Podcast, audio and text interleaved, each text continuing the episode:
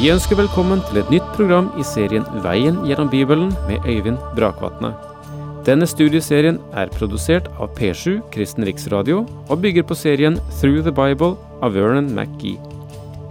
I dag fortsetter vi med gjennomgangen av Lukas evangelium.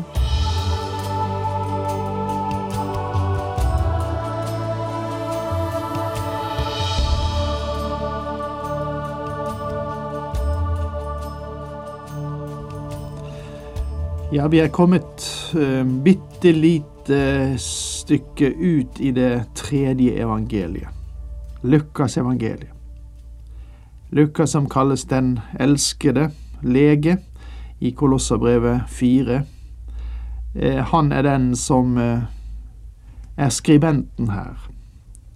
Men han har hentet mye av eh, sitt stoff, sikkert fra kontakten med Maria, så langt som tradisjonen kan fortelle det, og evangeliet røper det. Han er veldig stilistisk betinget, har et strålende språk, er en veldig god iakttager. Og den sansen for å iaktta ting hadde han sikkert oppøvet i sin egenskap som, som lege. Og han eh, gir oss noen av de iakttagelsene som han har gjort, og de vurderingene som eh, han har gjort, på bakgrunn av de undersøkelsene han har foretatt før han skrev sitt evangelium. Og her i det første kapitlet gir han mye plass til dette spørsmålet om himmelen som bryter inn over jorden. Efter at det har vært taust, liksom himmelen har vært forseglet i over 400 år, bryter Gud igjennom, gjennom engelen Gabriel, som både besøker Zakaria, senere far til døperen Johannes, og som besøker Maria, som er senere Jesu mor. Og det er et veldig kapittel ut ifra det at nå er det himmelen her som taler. Og nå er det små mennesker som skal høre, ikke tung tids tale, men høre glad tids tale. Det er det glade budskap fra himmelen som nå er i ferd med å bryte igjennom. Men det er klart at i dette spenningsfeltet er det ikke enkelt å stå og når det guddommelige åpenbarer seg, inn i det som er vår menneskelighet, med dets gode, men også dets lyssky sider, så kan det skape frykt. Du lurer på hva som nå er på gang, og det er blandet med den respekt, den ærefrykt, som vi også kan kjenne overfor det guddommelige. Og det er sikkert denne blandingsfølelsen som Maria står overfor når hun blir litt engstelig når engelen åpenbarer seg for henne. Men så står det i Lukas 1 vers 30, og det er der vi går inn i dag, altså Lukas 1 vers 30. Men engelen sa til henne, frykt ikke, Maria, for du har funnet nåde hos Gud. Du skal bli med barn og få en sønn, og du skal gi ham navnet Jesus. Han skal være stor og kalles den høyestes sønn.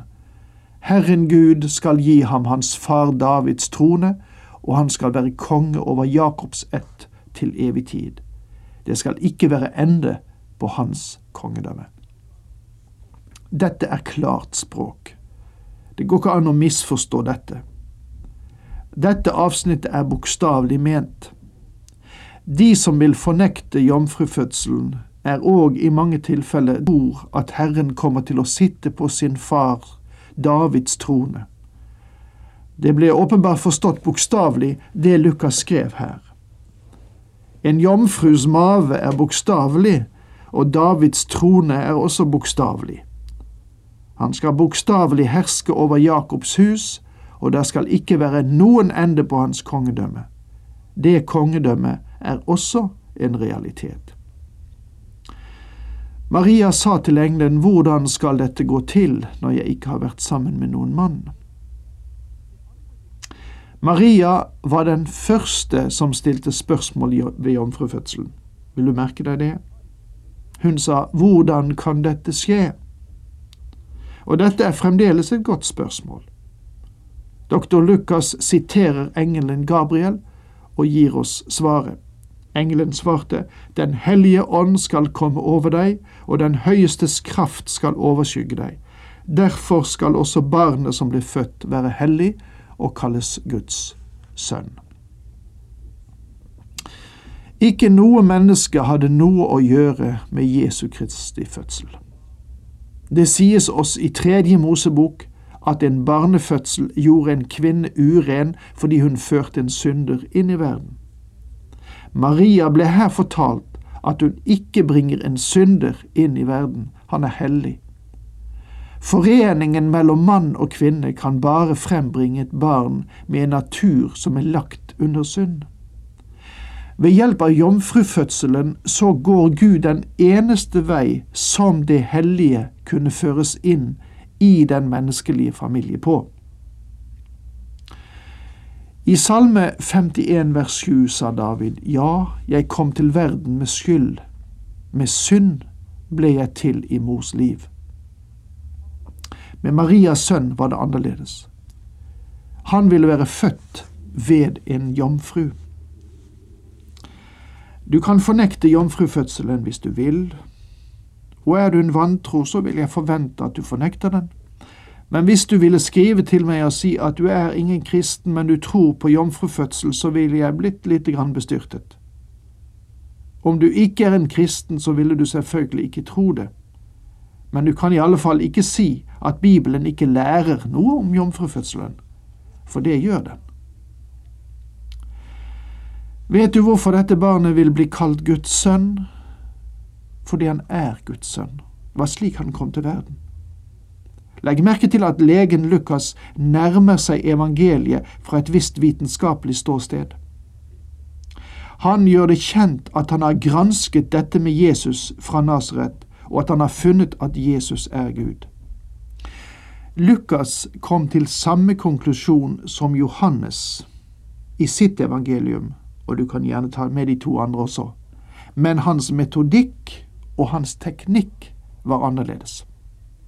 Dr. Lukas har brukt klart, enkelt språk for å presentere sine oppdagelser, og hvis vi ikke kan forstå hans budskap, så bør vi gå tilbake og lære vår ABC igjen.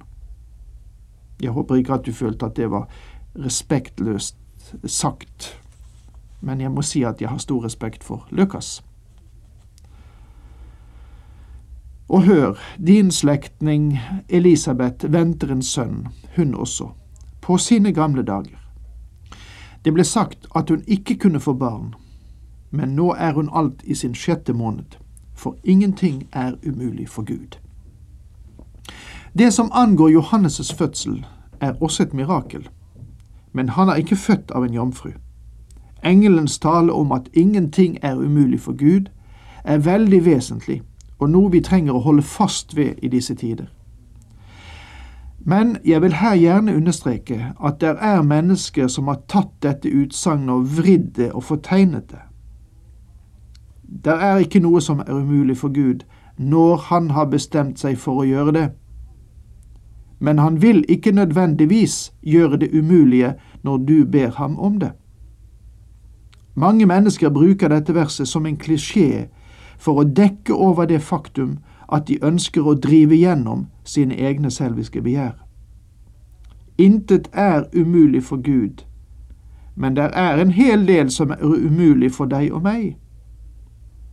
Når et menneske sier ingenting er umulig for Gud, og så mislykkes i et oppdrag som Herren har gitt ham å gjøre, så får det de ikke-troende til å trekke på skuldrene.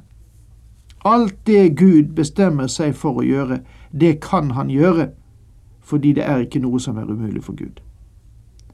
Men det betyr ikke at han vil gjøre alt det troende ønsker at han skal gjøre, fordi noe er inkludert i hans barn. Det vil si han har lagt noe også hos oss. La oss sette alt inn i det riktige perspektivet før vi gjør noe og sier noe som vil såre og skade Jesu Kristi sak, og ikke fremme den. Da sa Maria, Jeg er Herrens tjenerinne, la det skje med meg som du har sagt. Så forlot engelen henne. Dette verset forteller så fint hvordan Maria underordnet seg Guds vilje.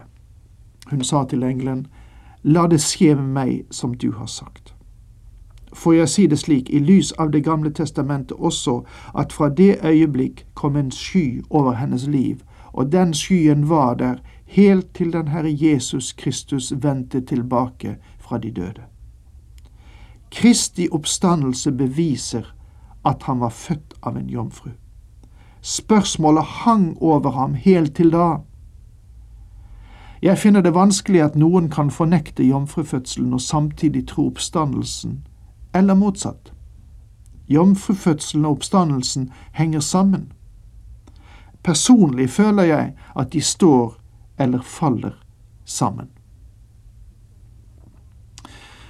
Etter en tid bestemte Maria seg for å besøke Elisabeth i den fjellrike Judeabygden. Noen dager senere dro Maria av sted og skyndte seg opp i fjellbygdene til den byen i Juda hvor Zakaria bodde. Der gikk hun inn til Elisabeth og hilste på henne. Da Elisabeth hørte Marias hilsen, rørte barnet seg i hennes liv. Hun ble fylt av Den hellige ånd. Det vi har å gjøre med her, er forunderlige ting, og det er nyttesløst å forsøke å gi en naturlig forklaring. Enten tror du det som hendte i disse versene, eller så tror du det ikke. Jeg blir sliten av mennesker, særlig predikanter, som forsøker å virke intellektuelle ved å ville forklare bort Bibelens undergjerninger og gjøre alt flatt som en asfaltdekket skolegård. Enten aksepterer du Bibelens underberetning, eller så gjør du det ikke. Og det som fant sted i disse versene, var et under.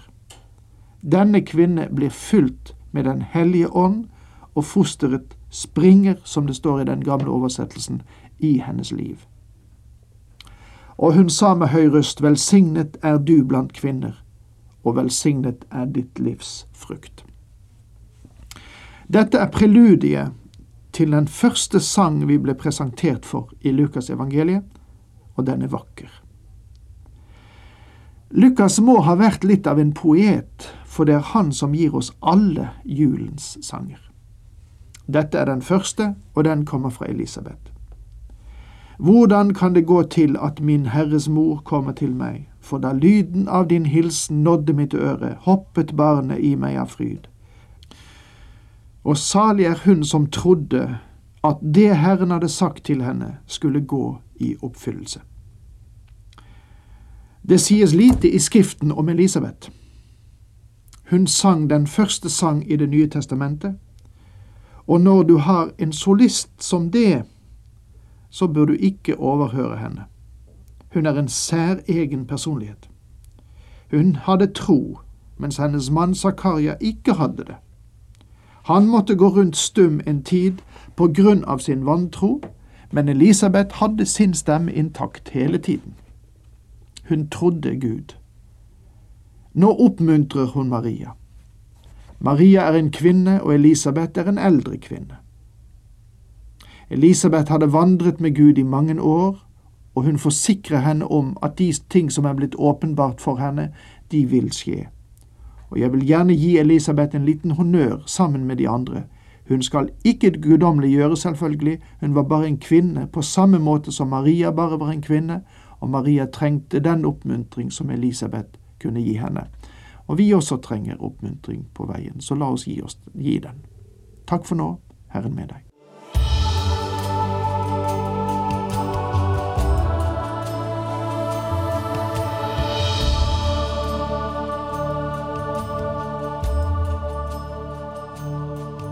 Du hørte Øyvind Brakvatne i studieserien Veien gjennom Bibelen. Serien bygger på et manus av Vern McGee. Har du spørsmål eller kommentarer til programmet, kan du sende en e-post til vgb krøllalfa p7.no. Takk for i dag, og på gjenhør.